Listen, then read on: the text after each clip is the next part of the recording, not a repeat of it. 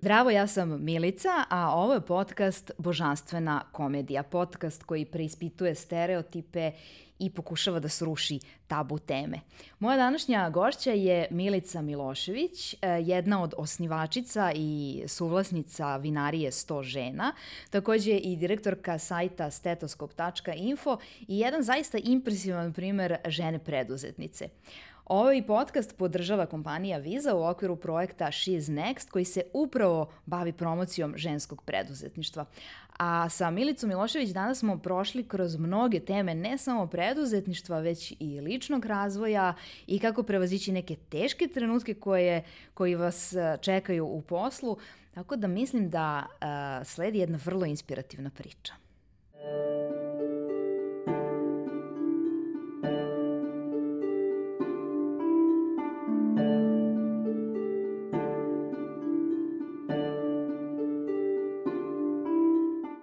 Milice, dobro mi došla. Hvala.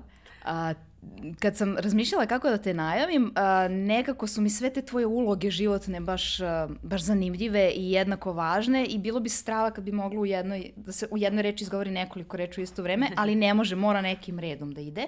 Pa hajde neka red bude od formalnog obrazovanja. Dakle, mm -hmm. ti mhm. si pre svega pravnica mm -hmm. koja se pravom zapravo nikad nije bavila. Nisam, da. Uh, direktorka si stetoskop infa i to mislim da nema potrebe da se posebno priča šta je.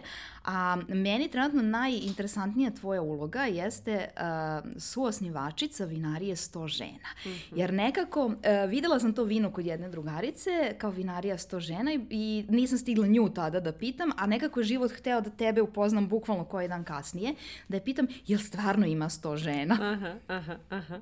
A, pa još uvek nema 100 žena, ali to jeste neki uh, target, što bismo mi rekli, cilj i target, veliko interesovanje uh, za pristupanje nekih novih članica, ali s obzirom da smo mi jedna ženska priča po maloj start-up organizovana u ovom trenutku, postoje neki prioriteti i neki red, pa je sada, na primjer, na red došla berba i proizvodnja novog vina i, i malo smo, da kažem, stali sa, sa akvizicijom novih članica, ali recimo da u ovom trenutku ima oko 60 žena i to je broj koji, koji raste. E sad, otkud uopšte vino, vinarija i žene? Nekako, uh, ja sam tek skoro shvatila da mi nemamo razvijenu vinsku kulturu zato što je zapravo do vrlo skoro, do pre nekoliko decenija, proizvodnja bila ograničena. Država je ograničavala u vreme Tita a, proizvodnju vina i ti nisi mogao da imaš privatnu vinariju. Ti si morao da posluješ u okviru zadruge. Zadruga je bila zapravo nekakva državna tvorevina i za, mogao si da zadržiš za svoje lične potrebe vino.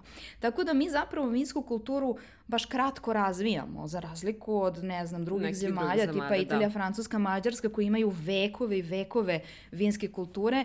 Mi smo nekako tu tek ovaj, zagrebali, mada bismo možda mogli da je pronađemo negde mm. u prošlosti, jer su neki od Nemanjića imali to kao neku bitnu stavku u svojoj, na svojoj agendi, što se danas kaže. Uh, Tako da me to zanima, znači odakle mm -hmm. vino i odakle žene, posebno imajući u vidu da žene u Srbiji kada se bave poljoprivredom, one zapravo rade u domaćinstvu. Užasno mali procenat žena ima nekakvu imovinu na svoje ime i sad je ovih dana aktuelna kampanja Koliki je moj deo, koja se baš bavi nasleđivanjem, odnosno nenasleđivanjem od strane žena uopšte u Srbiji. Mm -hmm. e, zvanično samo 25% žena ima nekakvu imovinu na svoje ime i uglavnom se to odnosi na urbane sredine, a kada se statistika gleda kako se nasleđuje, e, skoro 50% žena je isključeno uh, tokom tog procesa nasleđivanja, dok se to dešavalo samo u 0,5% kod muškaraca. Mm -hmm, Tako da se kod nas mhm. nekako podrazumeva, znaš, da će muško dete da nasledi nešto, žena nema vinograd, ona nema zemlju, ona može eventualno tu da radi. Pa me zato zanima, znači, odakle taj model, gde su uopšte ti vinogradi, vinari, je to mhm, žena i mhm. kako to da su sad oni ženski? Nisam čula za taj projekat, ali mi je zanimljiva ta statistika, moram da priznam da ništa ne znam o tome, pa, pa eto, ovaj, baš si me i vratila na fakultet i nasledno pravo, pa sam se sad zapitala, bože, da li je to stvarno tako i verujem da jeste. Jako mi je žao zbog toga, zato što mislim da to nije fair.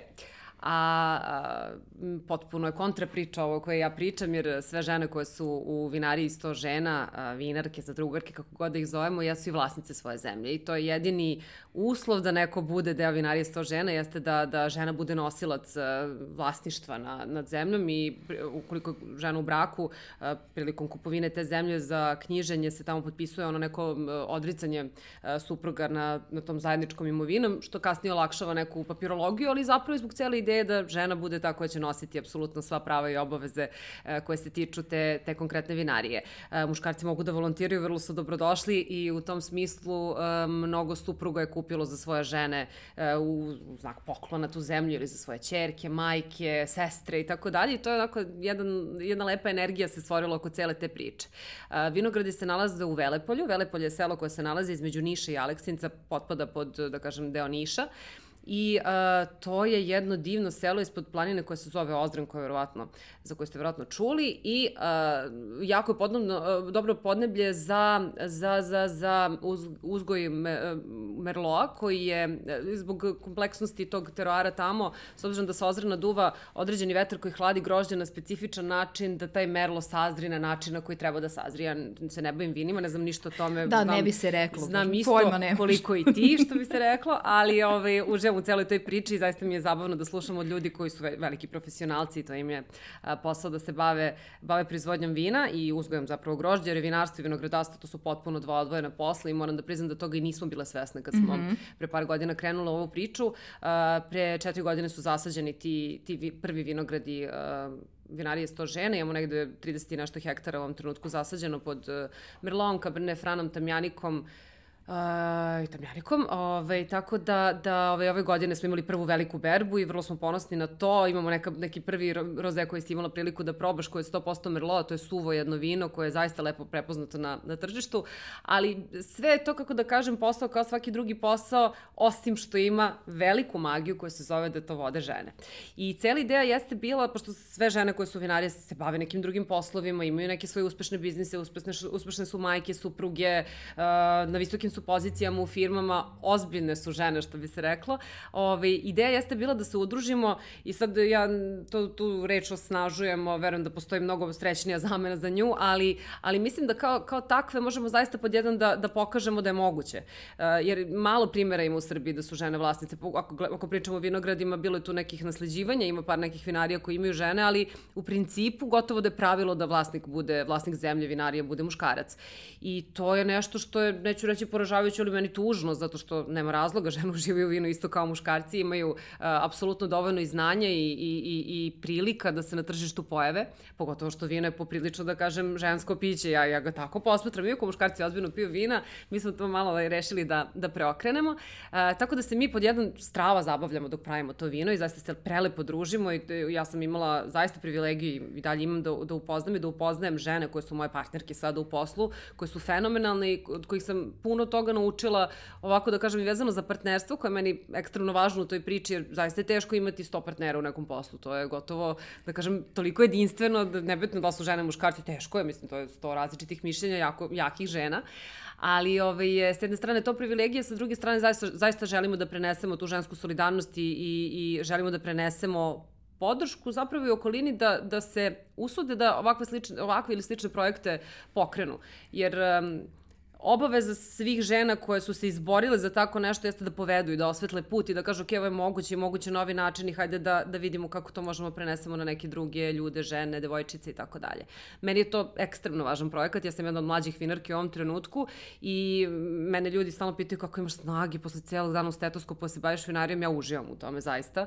E, mi naravno svi imamo i direktorku zadruge koja vodi to, apsolutno ovaj, je žena formalno na poslu svaki dan, ima puno zaposlenih ljudi, prosto poljoprivreda je takva da ti non stop moraš na terenu da imaš vinogradare, ljudi koji vode računa o kvalitetu zemlje, radnika koji svakodnevno nešto tamo radeov, tokom cele godine, tako da tu ima dosta ljudi, enologica, koja je takođe žene, mi smo jako ponosni na to što imamo onako žensku ekipu na prvoj liniji proizvodnje, uh, tako da je, da je meni ekstremno važno da, da, da taj projekat uspe, iako sad možemo procenimo da je on uspešan, ali da uspe na duge staze i da zaista bude neki pokretač za, za slične stvari, slične projekte. Kao što je ovaj tvoj projekat, on je, da kažem, dobar start neke dobre priče gde će se ovde pokrenuti različite neke da, teme. Da, nadam se. Meni, meni ono što je za, zanimljivo i mislim da je važno to da kažemo mm -hmm. uh, svima koji nas slušaju da ti ne možeš sad da uh, nemaš ništa, ti si žena iz nerazvijenog područja i nemaš vinograd na svoje ime i sad ćeš da sutra pokreneš vinariju, prosto to bi bilo baš neozbiljno da tvrdimo. Tako. Ono što mi je važno da kažemo jeste da te sve tvoje partnerke, uključujući i tebe samu, zapravo imate neke druge poslove. Sve. I vi zapravo, koliko sam ja shvatila, uh, ste još u fazi ulaganja. Znači, Absolutno, vi od da. vašeg da. vina niste još zaradile ni dinara. Ništa, ne, Vi živite od svojih poslova i Tako ovo je praktično neka vrsta projekta društvene odgovornosti tako koja će je, jednog tako. dana, nadam se, postati tako profitabilna. Je, tako je, profit nije, nije osnovni cilj i uh, da bi neko postao drugarka može da kupi najmanje 10 ari zemlje, što nije baš puno zemlje i to nosi neke troškove sa sobom. Poljoprivreda nije jeftina i nepredvidiva je sa troškovima s obzirom da ti od vremenskih uslova mnogo toga zavisi.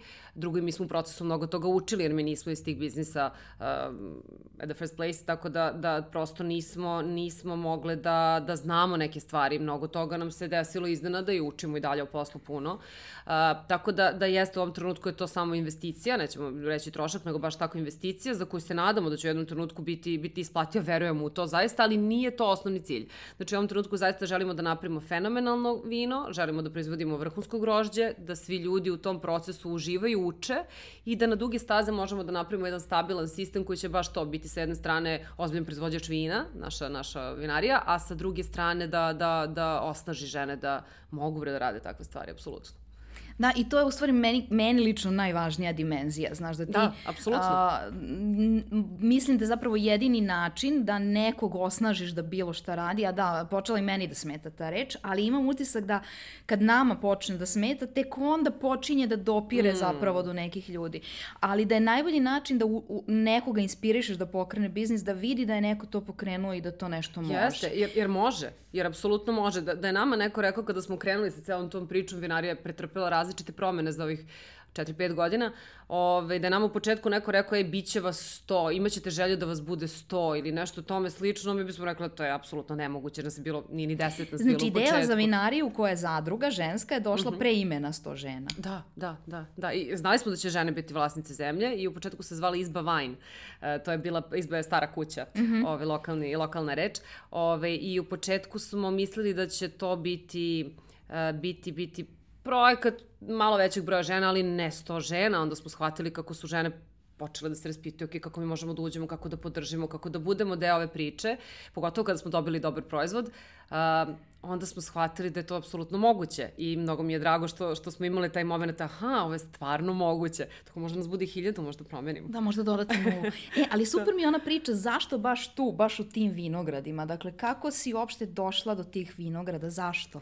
E, pa tu je e, e sticaj različitih okolnosti. E, neki drugi ljudi bi bolje ispričali ovu priču od mene, ali svakako ovaj, nekako smo došli do, do, do porodice koja se zove, preziva Jovanović i oni prave merlo iz Jovanović se zove njihova, njihova vinarija i oni tu imaju lokalnu vinariju u Velepolju koja ima hektari i nešto pod vinogradima, tako da smo inicijalno uh, došli do njih i oni su zapravo i bili prvi koji su nas uveli u posede naših prvih vinograda. I učili smo negde od njih i, i dosta o konkretnom teroaru i učili smo dosta o karakteristikama različitim tu, o ljudima, pomogli su nam u svakom mogućem smislu, tako da su oni bili ta inicijalna kapisla, a onda smo mi kasnije krenule da, da se tu ujedinjujemo, oko toga kupujemo još zemlje i tako dalje. I kako ste došle do one gospođe, ona mi isto bila inspirativna u tvojoj priči, ona gospođa italijanka, da. ovaj, to mi je možda kao isto, znaš, neki kao cvetić baš kao koji... Jo, jeste, to je fenomenalna priča. Uh, iz Italije smo u jednom trenutku kada spremite zemlju za, za, za zasad vinograda, vi morate da prema karakteristikama zemlje odaberete određene kalemove. Pa sad jedan merlo može da ima različite svoje varijante, variacije i tako dalje.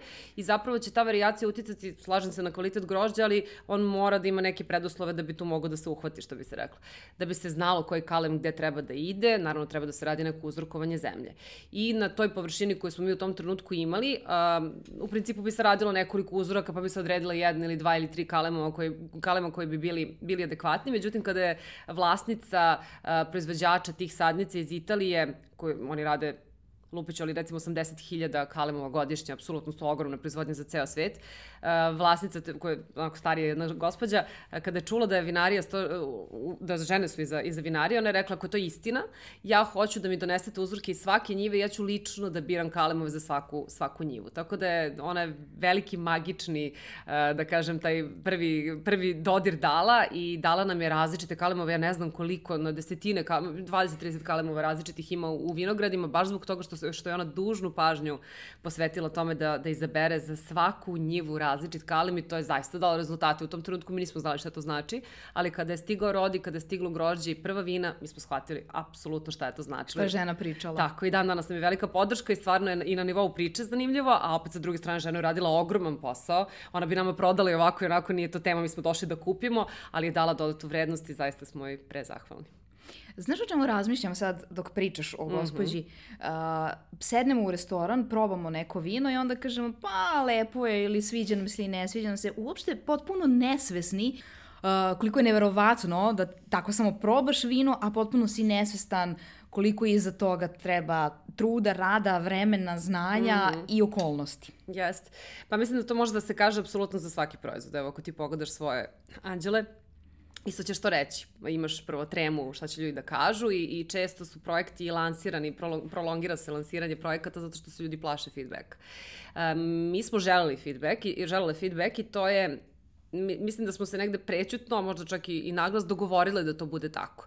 Uh, jer ponekada ne možeš da utičeš na proizvod, Naravno da bi se neki enolog ne bi, ne bi složio sad sa mnom, naravno da je nauka veća od, od okolnosti jedne godine, ali naravno mogli smo da pogrešimo na tom putu uh, i mogli vino da ne bude dobro. I ne mogu da zamislim šta bi bilo da nije bilo dobro. Prosto ne znam šta bi se desilo, mislim da bismo onda otkrili možda neke druge slabosti i snage naše organizacije. I to je takođe divan eksperiment, ja bih mnogo volila da, da ne pogrešimo baš mnogo, ali da imamo i takve, i takve momente, jer to je divno u svakoj firmi, pa, pa recimo i u ovom projektu. Ali nije uh, strah od toga da li će vino da bude dobro ili loše bilo presudno, zato što je cela ideja i cela ljubav oko celog projekta mnogo drugačija. ja se idem, pardon. Ove, drugačija, jer, jer prosto kada ti vidiš koliko ljudi koji su na terenu ulažu vremena, snage, ljubavi u sve to, prvenstveno ljudi koji su u vinogradima i svakodnevno šalju fotografije, evo sada sa berbe, šta god, koji god da je proces u tom trenutku, uh, drugačije, popuno je dru, drugačija motivacija naša za, za pristupanje tako jednoj zajednici, tako da proizvod može da bude dobar, loš i to je tako u svakom poslu. Uh, potrebno je samo da znamo da smo radili sve što je u tom trenutku bilo moguće i, i, i u okvirima najbolje namere i svog znanja koje smo, koje smo imali. Ja, pomenula si u jednom trenutku, onako uspuci to kao provukla, mm -hmm. da kada se mi, kada nove vlasnice potpisuju ugovor, da tu postoji nekakva klauzula da ne može muž da polaže pravo na to ako sudate i slično. I ti si to tako onako usput provukla, zato što si ti u stvari pravnica. Mm -hmm. Meni to recimo, koja nisam pravnica, mi palo na pamet uopšte da pomislim. Da. A razmišljala sam o tebi i o tom tvom putu, razumeš to kao da li u stvari formalno obrazovanje ima smisla, da li uh, se da li ima smisla ako se ne bavimo onim zašto smo se u stvari mhm. školovali, ali imam utisak zapravo da se mi na neki način, čime god da se bavimo, da unosimo sve te svoje veštine i znanja koje smo stekli, bilo kroz obrazovanje, bilo kroz nekakav posao. Uh mhm. -huh. I kad to uh, povežem sa, tim svo, sa tvojim osnovnim poslom, a to je stetoskop, uh, možda je u stvari to zapravo kao ključ uspeha. Zato što meni ideja između ostalog ovim podcastom da pričamo i o tome zašto je neko uspeo nešto ili zašto nešto nije, šta mu je bilo teško. Tako da kod stetoskopa ti si njega zapravo preuzela kao neki mali nerazvijeni sajt koji je možda imao marketinški potencijal, koji jeste bio relevantan u smislu informacija i, i znanja stručnog, ali koji zapravo nije zarađivao novac, koji nije imao neki naročiti naročiti tada finansijski neki učinak. Nikakav. Da, odnosno nikakav. Da, pa otkud ti ideja uopšte da se baviš time, a pritom nisi lekar mhm. -huh. i pravnica si, jel? Da, da, da. Um, znaš kako? Ja sam za vreme fakulteta, meni je otac pravnik, brat mi je u tom trenutku studirao fakultet, sada je advokat, moja snaja je advokat, moj najbolji drug radi u sudu, u tužilaštvu. Uh, I oko mene su pravnici celog života, meni je pravo nekako prirodno i te teme su meni nekako svakodnevne. Slažem se da ponekad ja pretrčim preko nekih stvari jer ih podrazumevam, a ljudi se u principu plaše. Plaše svih tih legalnosti, prava, zakona i tako dalje. I ne treba da se plaše, treba da ih razumeju, jer to je znanje kao bilo koje drugo. Um, stetoskop sam videla, ja sam na fakultetu još, to sam htela da ti kažem, još sam na fakultetu znala da se ja time neću baviti. Jer sam za vreme fakultetu u jednoj firmi radila u pravnom sektoru, žela sam da imam neku praksu čisto da vidim kako to izgleda ako pričamo o nekom korporativnom svakodnevnom poslu i meni se to nije dopalo. Pored toga sam uh, poznavala advokate sa kojima sam išla na suđenja kao pripravnica, ali lažna pripravnica nisam imala što uvijek nisam završila, bila fakultet i ovaj, uh, htela sam da vidim i taj adrenalin suđenja i krivica mi se dopala, ali mi se nije dopalo ništa sem suđenja. Uh, svi ti razgovori, pregovori, naplate i tako dalje, ja sam shvatila da je to deo koji, ja, koji ti čak i ne naučiš na fakultetu, što je najstrašnije da ti niko to ne kaže, a onda ti potpuno vidiš da je to postao kao svaki drugi, onda samo da tu sudu ima malo adrenalina ako je neki dobar slučaj. Ali pitanje koliko sam je žela se bavim krivicom u tom trenutku, i danas. Uh, I onda sam ja shvatila da se ja sigurno time neću baviti. I zato sam tražila alternativne načine da e, neformalne načine zapravo da, da učim dodatne stvari. I između ostalog sam bila u studentskoj organizaciji ISEC, krenula sam da radim na svim mogućim poslovima kojim sam mogla da idem na prakse i tako dalje. Američka privredna komora imala neki MCMC dan danas projekat gde sam takođe, takođe učestvovala i shvatila sam da ta znanja koje dodatno imam mene vode ka tome da ja bih možda volela da u nekom trenutku zamislim da mogu da vodim nešto svoje. Nisam ja ideju imala šta će to biti. Sećam se jednog sastanka, Vladimir koji je danas moj partner, u, u, jedan od mojih partnera u stetoskopu i moj mentor, um, nas je tada nešto angažao jer je bio, bio alumni stetoskopu, uh, izvinjam, Sajseka, studentske organizacije i sećam se sedimo u jednom, u jednoj njegovoj firmi, tu je par nas dečko koji sedi pored mene otvorio na Google Analytics i u real time-u ja vidim recimo 500-600 poseta. Ja pitam šta ti to, koja ti to kampanja? Mu kažem, a kakva kampanja? To ti je stetoskop, onaj medicinski sajt, za što mnogo ljudima, to dan jedan nije imalo nikakvog marketinga, nego bre ljudi dolaze tamo čitaju, ja uzmem telefon, stetoskop nikad videla nisam. I rekao, strava, šta je to? Ja uđem, pogledam, ništa mi nije jasno, nikad u životu nisam do tada ušla na sajt. Moja majka je pritom medicinska sestra u, u Domu zdravlja u Zaječaru, ja nju pozovem i kažem, mama, ali ti znaš šta je stetoskop? Pritom je mama je ispod prosečni korisnik interneta. I ona meni kaže, kako da ne znam, tamo doktorka Bilja piše ili koja je već bio u tom trenutku i ja shvatim, ok, ako moja mama zna, to ima apsolutni target. Pošto moja mama ne koristi internet, ako ona zna, to znači da nju baš to pogodilo. I ja sam u tom trenutku imala fenomenalnu ideju da meni moji sadašnji partneri, a tadašnji poznanici, mentori, poklone stetoskop. I ja sam došla sa tom fenomenalnom čarobnom idejom da oni meni to poklone, su oni umrli od smeha i rekli, devojčice, vrati se u prvi razred. Ove, ovaj, neki dogovor je bio da se ja dokažem da mogu da preuzmem da vodim stetoskop tako što ću raditi u nekoj od njihovih firmi i učiti posao. I onda ako se dokažem i pokažem, mogu da dobijem opciju da kupim ude u stetoskopu i da eventualno vodim taj projekat kao direktor, ali ne u smislu da ja to nešto dobijem na poklon ili da sutradan ja kao budem velika vlasnica stetoskopa, to nije bila ideja uopšte. Uh, I ja u tom trenutku se naravno nisam baš previše obradovala zbog toga, međutim prezahvalna sam im, prezahvalna zato što ne bih ništa uradila, ja ne bih ništa razumela da, da sam samo od sutradan došla i krenula da radim u stetoskopu. I kasnije Vladimir uh, meni objašnjavao da, da sam ja zapravo uh, ušla bih u, u jednu, on je čovjek koji dolazi iz interneta, obojica mojih partnera dolazi iz interneta, uh, on je meni rekao internet je toliko lepljiv da bi ti imala posla narednih 10 godina šta da radiš, ali ti nikakvu strukturu, prioritete, niti znanje bi imala da, da upravljaš firmom, a to je zapravo prvo firma, pa onda to da se ti baviš mm -hmm. internetom što god da je bio tvoj put u tom trenutku. A stetoskop ni tada, ni sada nije mali bio sajt, on je tada imao preko miliona i po organskih poseta. Sada je otprilike 2,5 miliona, skoro idemo ka 3 miliona mesečno organskih poseta bez bilo kakvog marketinga. To je u pitanju srpskog govorno područje, mi nemamo platformu na engleskom jeziku I ja, mene bi taj sajt pojao. Apsolutno. Ja i sad imam velike izazove sa stetoskopom zato što je medicina ogromna i ti možeš da se uhvatiš za nešto i da misliš da je to sad tvoje najvažnije, a da uopšte ne prepoznaješ neke druge potencijale i da ne komuniciraš neke stvari. Tako da, e, to je otprilike ta neka priča, ona je, ljudi, skoro sam srela jednu, jednu prijateljicu koju dugo nisam videla, ona kaže, bože kako si ti odskočila iz one firme, jer sam ja, firmu u kojoj sam se dokazivala je bila e, prodavnica koja se zove Aqua Boutique i to je prodavnica kupatila, keramike, italijanske i nemačke i to od spolja izgleda kao da sam je radila u prodavnici i ona mi kaže, što jeste istina, apsolutno ne, ne, ne bežim od toga, ali je ta prodavnica ima i svoj uvoz i logistiku i magacine i apsolutni back office, financije i sve ono što osoba treba da nauči gde god da se nalazi, šta god da radi. I ona je meni rekla, još što si ti odskočila iz one prodavnice, vidi sad imaš svoju firmu. I to je meni bilo preslatko, zato što mi je e, zabavno kako to ljudi gledaju od spolja. Jer evo sada sam primila dve neke devojke na, na praksu, one su devojke tek završile fakultet i u stetoskopu su. I onda mi je zabavno kako svi žele da odu u neke šljaštave sisteme, a uopšte ne vide potencijal malih firmi. Ali kako si ti video? Ti si, tad, Nisam ti, si, videla. ti si još kao student dobila ponudu da se zaposliš Jesam. u velikoj kompaniji. Jesam, jesam i to je bio Ali si ipak izabrala mali sistem i to Jeste. neatraktivan, znači to je ono... Apsolutno neatraktivno. u Znaš, kad smo pričali kao dođeš na slavu kod tvojih, a oni umesto da kažu vidi čerka pravnica, A. oni kažu čerka prodajela boje, već se šolje. Znači, otkud ti ideja Da, da, uopšte da, da. prihvatiš posao koji zapravo nije glamurozan? Uopšte nije je- Nemoguće da si tad tako je mlada imala svest šta ćeš ne, sve nisam naučiti. uopšte, nisam pojma imala.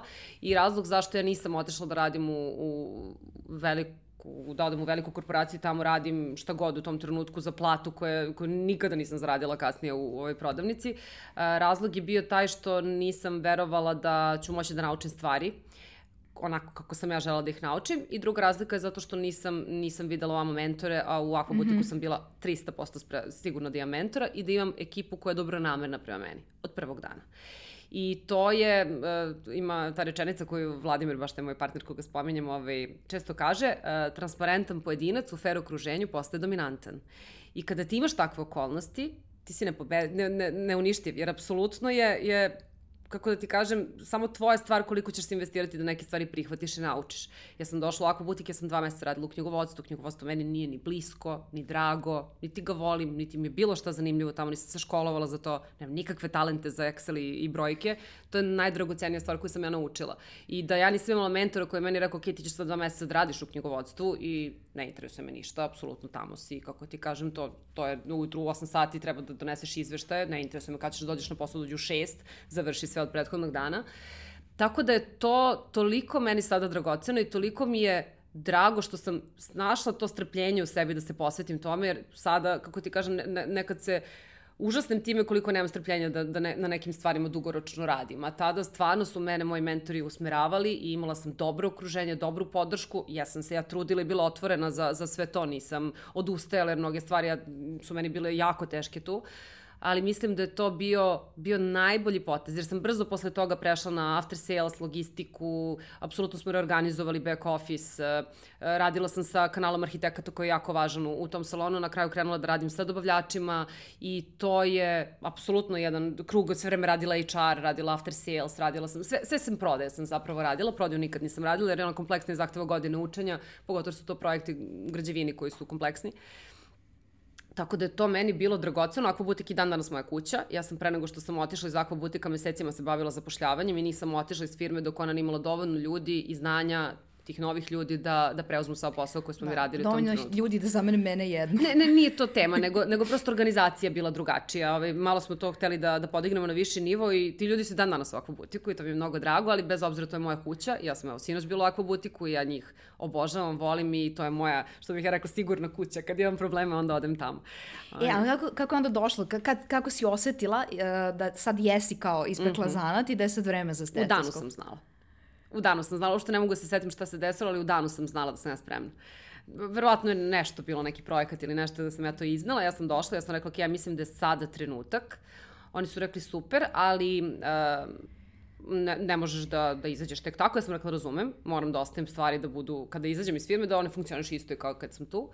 Tako da sam šest meseci zapravo pre toga najavila svoj odlazak. Umeđu vremenu sam ja kupila taj udeo, uh, dogovorili smo se oko neke organizacije i eto, tu, prosto decembra, 1. decembra 2017. godine sam napustila Aqua Butik i došla u kancelariju sa jednom od svojih sada prijatelja, tada poznanika, kog sam pitala, mogu ja, molim te, kod tebe da sednem i da, da ovaj sto koristim, da, da tu nešto radim i da, da, da pokušam da prosto nešto napravim. Rekao, naravno možeš, tako da, da eto, ovaj, to je bio trenutak kad sam prosto otišla. Da, ali i da opet se vratim na tvoje formalno obrazovanje, mm -hmm. zato što je uh, ciljna grupa su uh, nekakvi potencijalni pacijenti, ali takođe i doktori, stručni mm -hmm. saradnici su ti doktori, a zapravo ono od čega stetoskop najviše generiše prihod jesu farmaceutske kuće. I sad... Uh, ne baš, mi zapravo živimo od bookinga. Naš core Dobro. business je booking model. Znači mi se bavimo posredovanjem između ordinacija i ljudi koji zakazuju preglede. I to je naš core biznis, a sve druge projekte koje radimo, koji su podržani često od, od strane farmaceutskih kuća, apsolutno oni su veliki deo uh, podrške i znanja i svega ostalog svih projekata koje radimo, uh, su awareness projekti koje mi radimo mm -hmm. sa uglavnom udruženjama pacijenata gde mi pokušavamo da osvestimo neke bitne teme kada su pojedine, pojedine bolesti u pitanju i pojedine, da kažem, stvari za koje se bore, bori određena grupa obolelih, tako da to jesu neki projekti koji su meni lično i emotivno jako bitni i ja sam uh, poprilično emotivno involvirana, pomalo i neprofesionalno, što bi se rekla involvirana, ali da, oni jesu podržane, ali nisu, nisu veći deo. Znači, nama je core business apsolutno booking. Da, evo, zapravo sam htjela da te pitam mm -hmm. za uh, t, t, ovaj, ovaj drugi tvoj Aha. pro bono deo, uh, koji sad može sa strane da deluje kao da je zapravo marketinški nastavak stetoskopa, jer eto mi tu nešto srađujemo s doktorima, pa mm -hmm. onda ih zovemo u neki podcast koji slučajno vodi baš Milica koja je slučajno direktorka stetoskop Infa.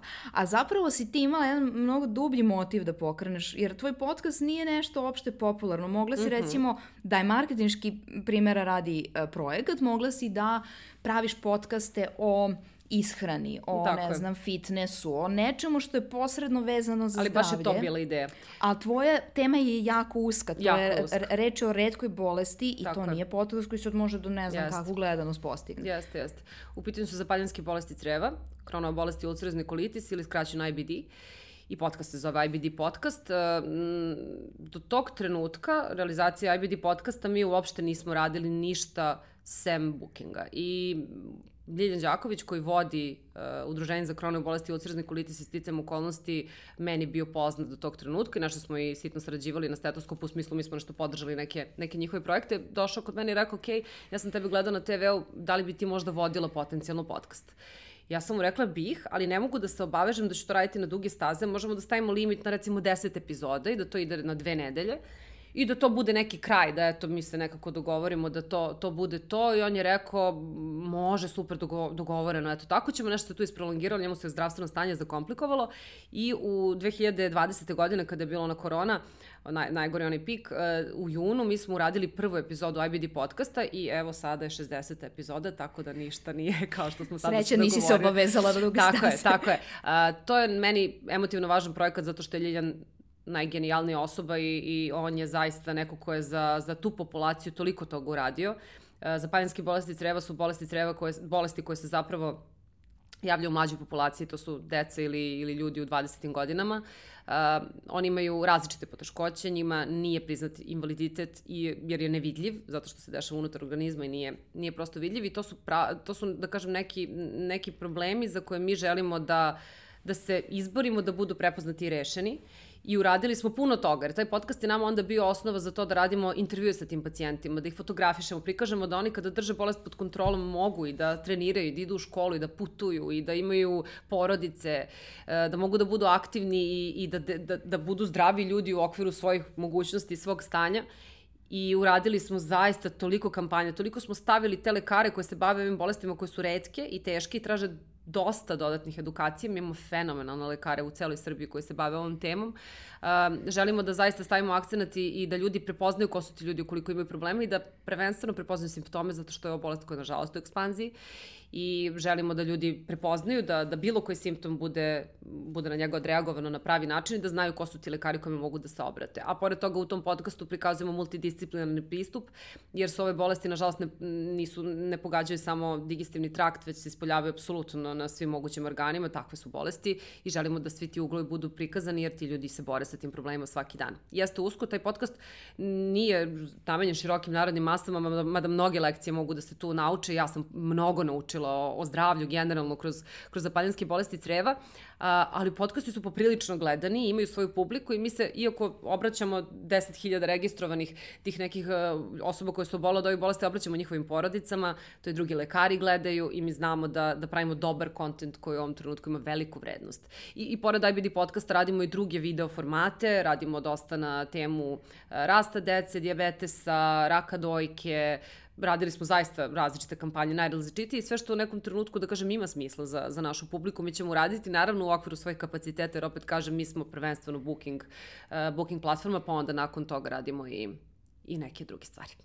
E, a sedila sam se da sam ti, kad smo pričala o ovom podcastu, rekla da ću početi jednim tabuom, uh -huh. a onda sam to potpuno smela suma zato što smo krenuli od vinarije 100 žena, što je fantastična priča, pa smo onda ređale još te, te, tvoje, te tvoje priče i to sve što radiš i onda mi je to zapravo bolji šlagvort za, za pitanje. Uh, Rekla sam ovaj, u najavi da, da hoću da neke uh, stereotipe i tabue preispitujemo i rušimo uh mhm. -huh. i jako, jako, jako česta pre, predrasuda kod nas, koju čujem i od muškaraca i od žena, to je a, ona je lepa i glupa. Ili ako je nešto uspela da kao postignem, a to je preko kreveta, to je preko nekoga, to je preko veze. Uh, volela bih, a imam utisak da ko je pažljivo slušao od početka već je shvatio da si ti uh, vredan radnik, da ti ne prezaš od obaveza i, i od rada. I da, da se zabavljam. Da, i da ti prosto tako samo svojim činjenjem ideš i rušiš taj podcast. Zato što, znaš, ovo samo da posložimo kao vinarija sto žena i direktorka stetoskopa, gde ti radiš praktično razne poslove, ti se tu baviš sve. i prodajom, i organizacijom tako, i kako tako. si mi rekla jednom i odgovoram ja i na pozive kad treba i sve stvari radim. Absolut pa se onda još kao baviš i podcastom koji ima društvenu misiju koji nije, nije mu komercijalna dimenzija uh, cilj. Uh, što znači, uh, rekla bih da je dosta jasno da si ti tu gde si zato što, zato što puno radiš. Ali me zanima kako to percipiraju drugi ljudi koje ti srećeš mm -hmm. u mhm. poslu. Znaš, kao, da li, ja to vidim po sebi kao kao ženi u poslu, da dešava mi se kada imamo muške sagovornike na sastanku, da oni često kreću iz te pocenjivačke pozicije zato što šta žena može da zna o nekom poslu. Uh -huh. um, znam na što misliš i spomenut ću taj primer, jer je jako simpatičan, ali um, ja iskreno moram da priznam da živim u jednom bablu i oko mene su sve neke super jake žene koje nemaju nikakav problem.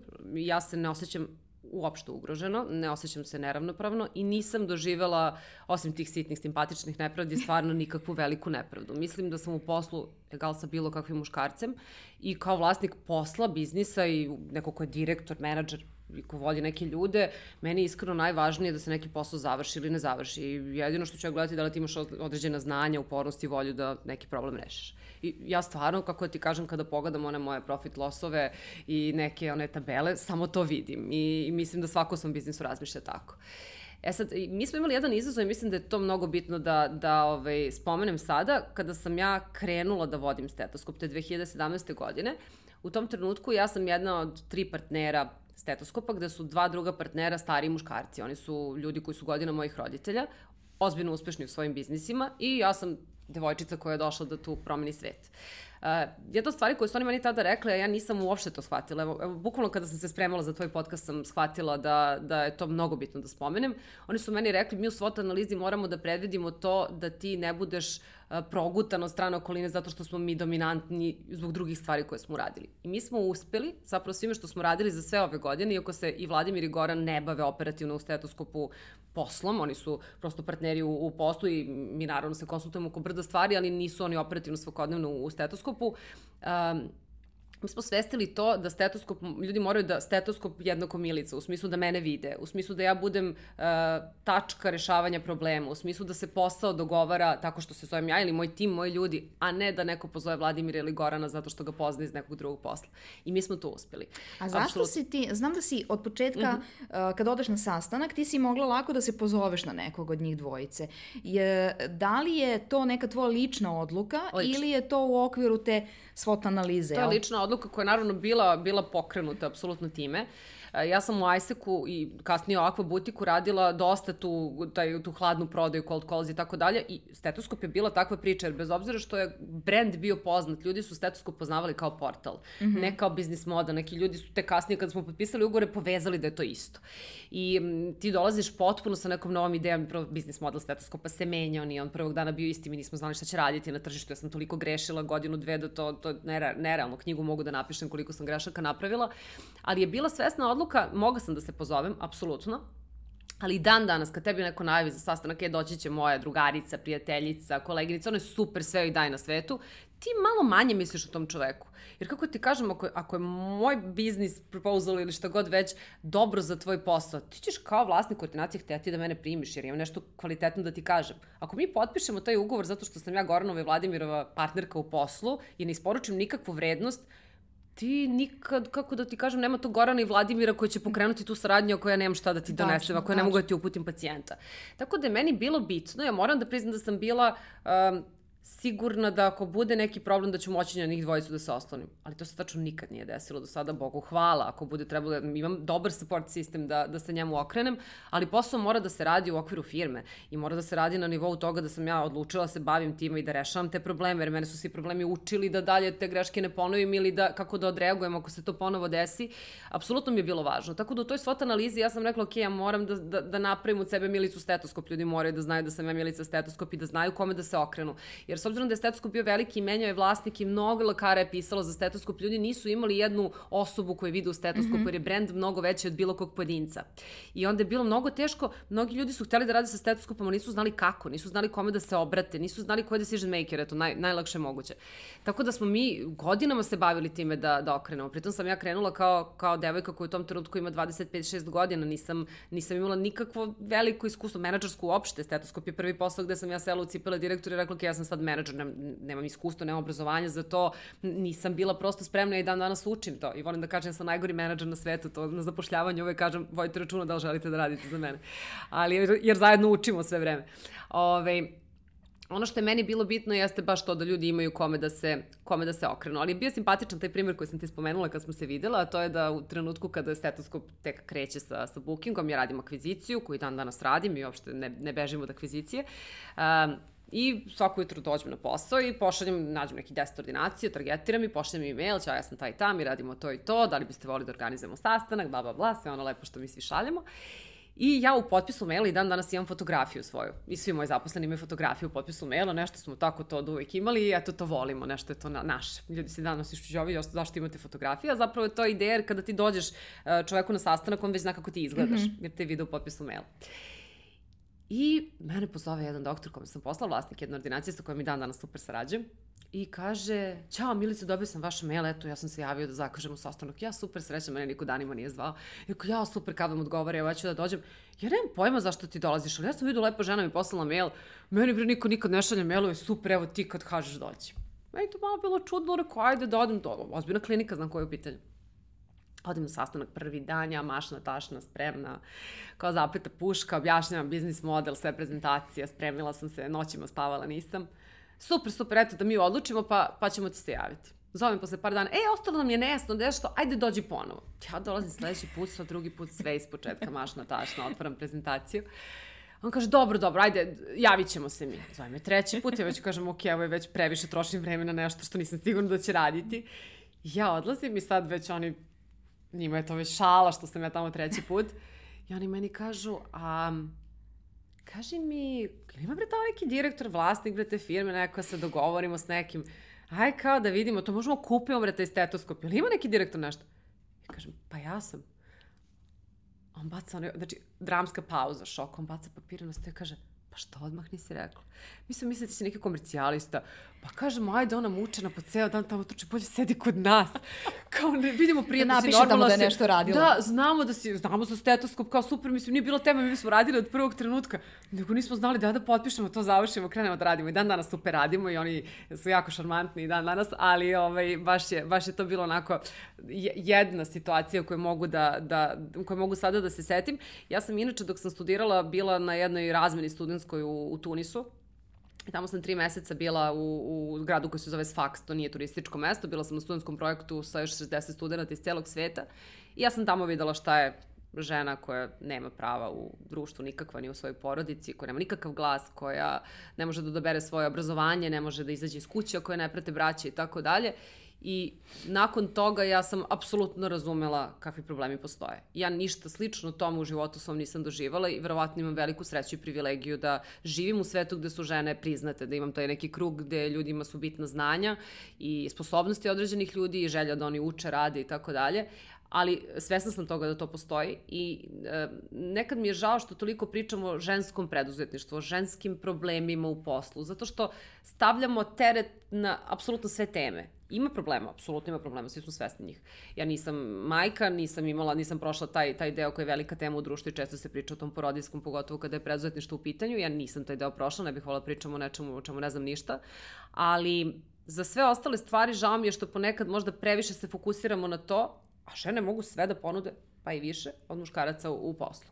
I mislim da o tome treba više da se priča, i da, da, da, da, da malo te dobre primere gurnemo malo prvi plan, jer toliko toga ružnog se dešava da hajde da se fokusiramo na, na lepe stvari, nećemo zanemariti ružne i treba se bavimo njima, ali hajde da još više pričamo o dobrim stvarima, tako da je ovo tvoj podcast. Da, a hvala ti baš što si pomenula ta, tu temu, jer nedavno sam baš na obeležavanju dana devojčica UNICEF mm -hmm. baš počela time da mi srećom živimo u delu sveta koji zapravo je uh, mnogo bolji od mnogih delova mm. sveta po pitanju jednakosti polova i položaja devojčica. Jer ti užasi koje doživljavaju devojčice u nekim drugim delovima Jest. sveta ili koliko im je nedostupno obrazovanje, primjera tako radi. Je, tako je. A mi zapravo uzimamo zdravo za gotovo već neke stvari i ako mene pitaš tako bi i trebalo da bude, mm. dakle to bi trebalo da budu osnovna ljudska prava bez obzira na pol, ali tačno jeste da da svakako je, ono, gledam, gledam po nekom svom životnom veku koliko čak i u njemu uh, se stvari pomeraju na bolje. Tako je, da. A m, možda, eto, možda smo i prekratko na zemlji da bismo stvari mogli da sagledamo neki, neki realni pomak. Sigurno da da, sigurno da da i mislim da, da o tome i ne znamo puno i da ponekad malo i olako i prehrabro komentarišemo, mm -hmm. jer ako verovatno pogledamo iz vizura naših baka, za mnogo toga smo se izborili i izborile. I ovaj, drago, mi je, drago mi je što je tako, ali mislim da je odluka pojedinca da, da radi na sebi, po, pojedine te neke ove osobe ženske, da, da radi na sebi apsolutno važno. U svakom smislu, da bude obrazovana pa da zna kako oprezno da komentariše neke stvari. Jer ponekad neoprezno i previše se, da kažem, hvatamo za neke trendove koje, koje vidimo, a onda mi bude žao zato što se spinuju ti neki primeri, a more drugih primjera se, koji su sjajni, uh, ne prepoznaju, nisu dovoljno atraktivni ili, ili ovaj, da kažem, negde padaju u senku. Tako da treba fokusirati se na to, jer je to dobar primjer da se ugledamo na to i radimo takve stvari. Dobro, pa dobro, ja tebe nisam pozvala u podcast zato što si žena preduzetnica, nego zato što ti je priča impresivna, odnosno sve te paralelne priče koje vodiš jesu impresivne i što uh, znajući te uh, iz tih poslovnih priča, znam da nisi neko ko odustane i očajava.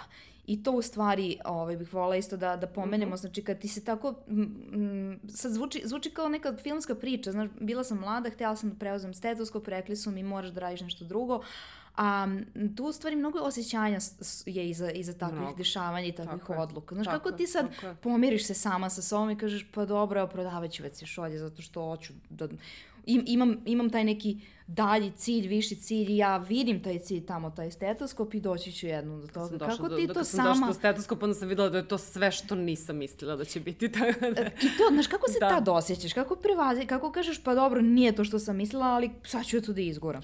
Ja, ali znaš, to je... Uh, sad sam skoro slušala neki podcast, pa jedna jako mudra žena rekla da kada je birala gde će raditi u kom sektoru firme, izabrala je onaj sektor firme koji je bio najneuspešniji. Mm -hmm. e, sa stvarima koje su takve, najbolje možeš da, da pokažeš pomak. Ako nešto super radi, ti u tom sistemu ne možeš mnogo da doprineseš. Prosto možeš, naravno, super, vredan si radnik, ali ne možeš da stvoriš magiju. A kada imaš izazov uh, takav, ja, ja sam prvenstveno bila okružena fenomenalnim mentorima i dan danas jesam i ja verujem da, da ja nisam ni pola osobe svojim zaslugom, nego zaslugom drugih ljudi. Uh, I apsolutno toliko su, toliko su mi znanja, iskustva i prilika dali, prilika da budem na određenim sastancima, na određenim, uh, u određenim projektima, da pratim čak i stvari u koje nisam bila umešana. Ja mnogi, na mnogim projektima nisam radila, ali su bili pored mene, ja sam ih gledala. To su bila ogromne investicije kojih se ja i dan danas plašim, a videla sam kako se grade velike kompanije. I to su, to, to su za mene dragocena znanja. Nema tog fakulteta, nema tog kursa koji tome možete naučiti. To su baš konkretne životne priče.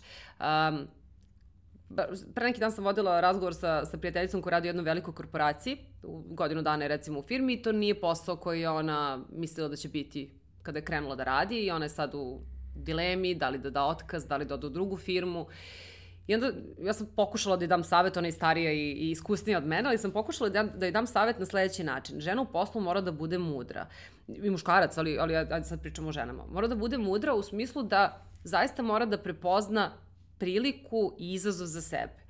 Jer na kraju razgovora mi smo došli do toga da ona zapravo treba da se izbori za svoje mesto u tom timu, treba da iskomunicira vrednost koju daje i možda je bre ona sledeći menadžer tog projekta.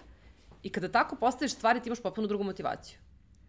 Da. nego to da, jo, užasno mi je, došla sam na posao i eto, radim ono što sam radila juče, a pre godinu dana mi nisu rekla da ću raditi to nego nešto drugo. Prvo, nisi komunicirala na vreme, nisi odreagovala kada se prvi put desilo da, da, da, se, da je drugačije od onog što su obećali, a drugo, aj vidimo svoje, tvoje prilike. Jer ako kažeš da je sistem drugačiji, onda ajde ili promeni sistem, što ok, kapiram da sa svoje pozicije ne možeš, ali ajde se izbori za to, komunicira jasno i ako ne postoji tim koji može da te podrži, idi dalje. Znaš da si uradila sve. Tako da ja sam gledala, meni su izazovi bili sve te stvari. Ja sam došla u stetoskop koji je portal u tom trenutku, ima ogromnu posvećenost, nikada nije imao biznis model, booking ne, medicalu ne postoji ni dan danas van stetoskopa, tako da prosto to je toliko bilo izazova i ja sam htela da odustanem od stetoskopa hiljadu puta u smislu da, da, da nisam verovala da će to uspeti. Zaista ne. Ali sam onda sa različitim ljudima pričala i mene su ljudi održali tada, apsolutno. Prvenstveno okruženje u kojem sam bila, sama ta kancelarija u kojoj sam sedela, gde su ljudi stvarno fenomenalni, to je prva stvar. Druga stvar jeste ja nisam bila, uh, zbog samog tog mog pristupa mentorima, ja se nisam stidela da pitam ljude koje ne poznajem. I često mene pitaju studenti, jao pa kako ja da pitam nekog uh, da priča sa mnom da mi pomogne, ja kažem, se pitao? Pa ne, nisam, ali odbiće me prava osoba te nikad neće odbiti. Ljudi koji su stvarno napravili nešto, nikad te odbiti neće. Telefonski ćete pozvati, ali ja, ja nisam, meni se nije desilo. Mislim, ja sam i danas nepoznata u tom biznis svetu, tada sam bila i devojčica i nepoznata, meni se apsolutno ni jedna vrata mi nisu bila zatvorena, u tom trenutku ljudi nisu znali ni ko su mi partneri, ni ko sam, ni šta sam, ni kako izgledam, ni odakle dolazim, ni koji su mi uspesti, ja sam rekla, ok, ja vidim da vi imate ta i ta znanja, hoću da platim, evo pošteno hoću da platim, ako ne mogu sad da platim, platit ću ručak, što god da, da, da treba, želim da, da pokrijem taj deo, žel, želim sat vremena konsultinga da vas pitam to, to, to i to. Nikad me niko nije odbio, evo da dana današnjeg i dan danas to radim. I dan danas to radim, imam sreću da sada neke ljude poznajem, poznajem ih i zbog vina, a poznajem ove i preko svojih partnera i, i zaista sam otvorena da postavim pitanja, da zamolim za neki kontakt. Uh, ne da bi mi neko namestio neki posao, nego baš zbog znanja, iskustva i druge perspektive. Jer previše kada si u svom poslu nekako, mm -hmm. znaš, ograničavaš se, a, a, a mnogo je važno. Mnogo je važno. Da, ja bih e, izvukla iz ovog našeg razgovora, osim to, to, te važnosti razvoja mm. i rada na sebi i tog neprestanog zapravo učenja, više puta si pomenula mentore Mentor. i mislim da je to užasno važno i da uh, ne postoje godine u kojima ti ne može mentor pomoći. Dakle, apsolutno. I da čak godine mentora ne moraju da budu važne. Možeš i mlađu osobu da nađeš apsolutno. koja možda o nečemu zna više, apsolutno, više od tebe. Apsolutno, pogotovo u dobu modernih tehnologija gde apsolutno klinci su dominantni nad starijima, tako da tu nema, nema teme, ali i moj mentor ima mentori dan danas. Moji mentori imaju mentori i meni je zabavno kako ovaj, njima se i oči kada vidite ljude. I to je pre, pre, prelepo, to je, to je divno, zato što ja sam, ja i dan danas imam osjećaj neke magije svaki put kada sedim sa nekim ljudima koje nemam priliku da, da srećem često, koji zaista uvek imaju nešto pametno da kažu. I to je velika privilegija, nekad ja nisam svesna i moram da priznam da u prošlosti nekada, kada si mladi bahat, ne, ne umeš ni da ceniš ponekad, to dovoljno sad sve više i više to cenim, veri mi, svaka rečenica mi znači kukuće. To, a osim mentora si pomenula i, i biznis model iz to žena jeste udruživanje mm -hmm. i pričale smo i o tome koliko je zapravo uh, bolje po mentalno zdravlje, bolje po osobu i kvalitetnije i uspešnije po biznis da u stvari ukoliko je moguće ne krećeš samo u nešto odnosno ako već kreneš sam i nemaš da. partnera u poslu ili u tvom slučaju 99 budućih partnerki, uh, da se makar okružiš ljudima koji mogu na neki način da te podrže. Jasne. Makar tom svom energijom. Bar da te razumeju, da. I mislim, uh, jedan moj drug mi je rekao, koja je stari par godina od mene, kada sam imala 25-6, rekao mi od 27. ćeš početi da čistiš sve ljude toksično u svom okruženju, vidjet ćeš kako će prijatelji da ti se promene. Uh, ja imam neki prijatelji još, da kažem, od, od ranije, neki ljudi su prirodno otišli, ali uh, ono što je meni važno jeste da e, krug ljudi koji sada imam, to su sve fenomenalni ljudi. Ja zaista, evo, sa pre par dana mi je bio rođendan i na tom rođendanu su sedeli ljudi, ja ne znam na kog sam ponosnija. Apsolutno mi je bio, bilo mi je puno srca kak, kakve ljude imam oko sebe. I to nisu ljudi koji bi ti možda mislili, ja sad je to neko direktor neke velike korporacije ili to je, ne znam, sada preduzetnik koji ima fenomenalnu firmu, ne znam koliko zaposlenih na celom svetu. Jedan od mojih najboljih prijatelja je Filip koji je kuvar i on je najinspirativnija osoba koju ja poznajem u, u smislu kreativnosti, posvećenosti poslu, ljubavi prema onome što radiš. I ja kada njega gledam, ja se svaki put inspirišem puta četiri, zato što to, to, to, ja to nisam videla nigde, što sam, on je mađioničar, apsolutni. I on je meni mentor za taj deo, kako god da smo mi prijatelji, pijemo vino i zezamo se kod njega u restoranu, to je, to je jedna stvar, strana, ali on je meni, meni je dan lepši svaki put kada njega vidim baš zbog toga. Moj trener Igor je, na primjer, naj, naj disciplinovanija osoba koju ja poznam, toliko posvećena svakom procesu, on radi sa onim MMA borcima, pa oni kad se spremaju, kad skidaju one kilograme, pa to, to je disciplina, volja, to, to, to je nerealno koliko se oni ljudi žrtvuju za, za sve što rade. A potpuno je tipično da ti takvi ljudi budu, budu mentori kad se ti baviš, ti vodiš neki startup s nekim ljudima koji su zaposleni kod tebe i sad to nešto imaš tu neki proces, a to je sve, samo nije to. Tako da je to pre, pre, prezabavno i pre, preinspirativno da imaš i različite ljude oko sebe. Imam i mlađe ljude koji, koji su mi divni, sjajni i znaju mnogo o mnogim stvarima o kojima ja ne znam ništa. E, ovo za kraj još jedno pitanje koje se tiče razvoja i mhm. učenja mm -hmm. ili ne mora da uopšte bude učenja, znači može da bude neko tvoje vreme, slobodno vreme mm -hmm. za tebe, a to je neka knjiga koja je ostavila utisak na tebe koju bi mm -hmm. preporučila ili čak ne mora da bude ni knjiga, može da bude recimo podcast, znači ko mm -hmm. je to, mhm. kako ti radiš na sebi, koja je to duhovna neka hrana mm -hmm. koju mhm. konzumiraš? E, moram da priznam da strane podcaste nešto se nikad nisam uhvatila da gledam, ali kod nas gledam Pojačalo Minićevo, gledam um, Agilast, eto, to su dva neka podcasta, newsu podcast gledam, to me super zabavlja, ali ove, to, to je da kažemo ako pričam podcastima ovde. E, ono što već godinu dana slušam, evo sad sam skoro obnovila subskripcija, masterclass. Mm -hmm. e, onaj oprem veliki masterclass i to je stvarno fenomenalna platforma, košta nešto i ovaj, mora da se investira, ali je prosto divna jer e, su ljudi različiti, to su uh, najraz, od, od matematičara, fizičara do producenata, e, pevačica i svega što možeš da, da zamisliš u fenomenalnoj produkciji, zapravo sam zaljubljena u produkciju masterklasa, da to zaista preporučujem i tu sam mnogi stvari naučila. A od knjiga, uh, zavisi u kom si dobu naravno. Uh, ja imam veliku tu žalost i tugu što za vreme fakulteta dok sam učila iz onih ogromnih knjiga nisam čitala puno stvarno, jer sam vid izgubila učeći o različitim zakonima, pravima i tako dalje, uh, ali sad se trudim da, da poprilično nadoknadim u poslednjih par godina. Uh, ja uvek volim da, da kažem da ona triologija Hararijeve dobra mm -hmm. i, i tu treba da, da razumeš sebe i sve ostalo, da nastanak sveta, civilizacije i svega ostalog, mislim da, da su divne tri knjige koje se i lako čitaju, bez obzira što izgledaju veliko, nemojte se plašite. Uh, Peter Thiel od 0 do 1 je meni u početku kada sam krenula da, da radim sa stetoskopom puno pomogla, jer je to knjiga koja govori kako da razmišljaš svojom glavom u, u trenutku razvoja ovih tehnologija i kako da ostaneš i dalje čovek i da zapravo shvataš biznis širo od toga da prepoznaš šta je inovacija, šta nije inovacija, to je divna jedna knjiga. Za validaciju ideja ima onaj mamin test, mislim mm -hmm. tako, da je tako prevedeno na srpski, to mi je super knjiga i to volim da dajem kada ljudi hoće startup, neće startup, hoće da uđu sa nekim novim idejama. Mislim da je to super, super knjiga koja te baš onako sprovede kroz sve te procese. Divan utisak mi je ostavila ova knjiga od osnivača Nike Phil Knighta, Jeste. Da, to je divna jedna ova knjiga, da. zaista, to mi je inspirativna priča, stvarno mi se dopala. Atipična za srpsko, uh, srpsko tržište jeste knjiga od Bojana Lekovića, Kupujem prodaje Medvedinu, Medvedinu putu. putu. To mi je zabavno, zabavan mi je način u koji je napisano i malim pričicama, tako da je to, to baš, baš dobra knjiga. Uh, dobra, atipična za, za nas. Dobra je ova knjiga o Netflixu, knjiga, knjiga o Netflixu. Mm -hmm. Ona, nju sam skoro relativno čitala i sad sam pre neki dan krenula da čitam i potpuno se iznenadila knjigom koja se zove Dete u tebi treba da pronađe mm -hmm. svoj, svoj zavičaj. zavičaj. Ima i radna sveska koja ide uz to i ja inače nisam fan te psihologije, nisam se pronašla u, u trenutku života, verovatno knjige te nađu kako ti bu, budu potrebne, pa ja, na primjer, sad više biznis knjige ne čitaju mi se više, moram da priznam, čak sam i poeziju čitala jednu trenutku letos. Ove, uh, nisam ništa očekivala puno, ja sam tu knjigu uh, nosila na poklon ljudima, nisam nikako je kupila za sebe i sad drugarica koju sam ja poklonila je poklonila meni za rođendan. Krenula sam pre neki dan da čitam i shvatila sam da sam baš bila glupa što do sada nisam uzela da je čitam. Fenomenalna knjiga da razumeš zašto se ponašaš na određen mm -hmm. način i kako reaguješ na, na neke stvari i razumeš sebe iz tog perioda kad si bio dete i da li tu postoji neka trauma, neko uverenje, ne, nešto što nosiš, a da te blokira da različ, različite stvari radiš i da reaguješ na, na određene načine. To mi je baš, baš divna knjiga. Naravno, bogati otac i romašni otac za neko ko tek, da kažem, kreće neke prve knjige koje treba da pročita sad ne mogu da se setim, ima divnih knjiga. Mo, ja, pa ja mislim da si dala materijala za jedno godinu meseca. dana. Či... da, možda Boga i godinu go, dana. U mom slučaju da. godinu dana.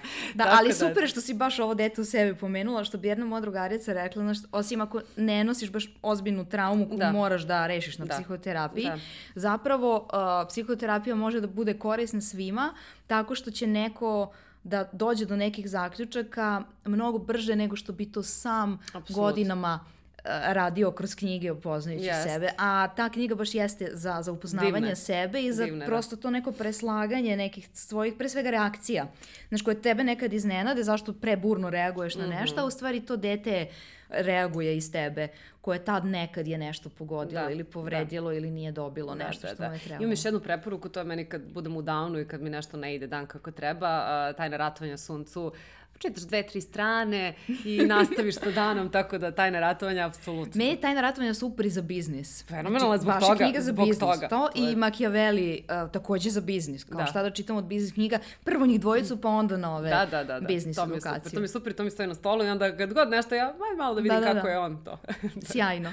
da. Hvala ti mnogo na ovom razgovoru. Uh, ti si tako baš jedna inspirativna osoba i nadam se da će ova tvoja priča nekome da bude, bude inspiracija eh, da pokida u poslu u kom radi ili da možda razmisli o nekim novim idejama i gde bi možda neki, neki put zajedno udružena sa nekim mogla da stigne. Hvala tebi, divan ti je podcast i želim ti puno sreće. Hvala ti.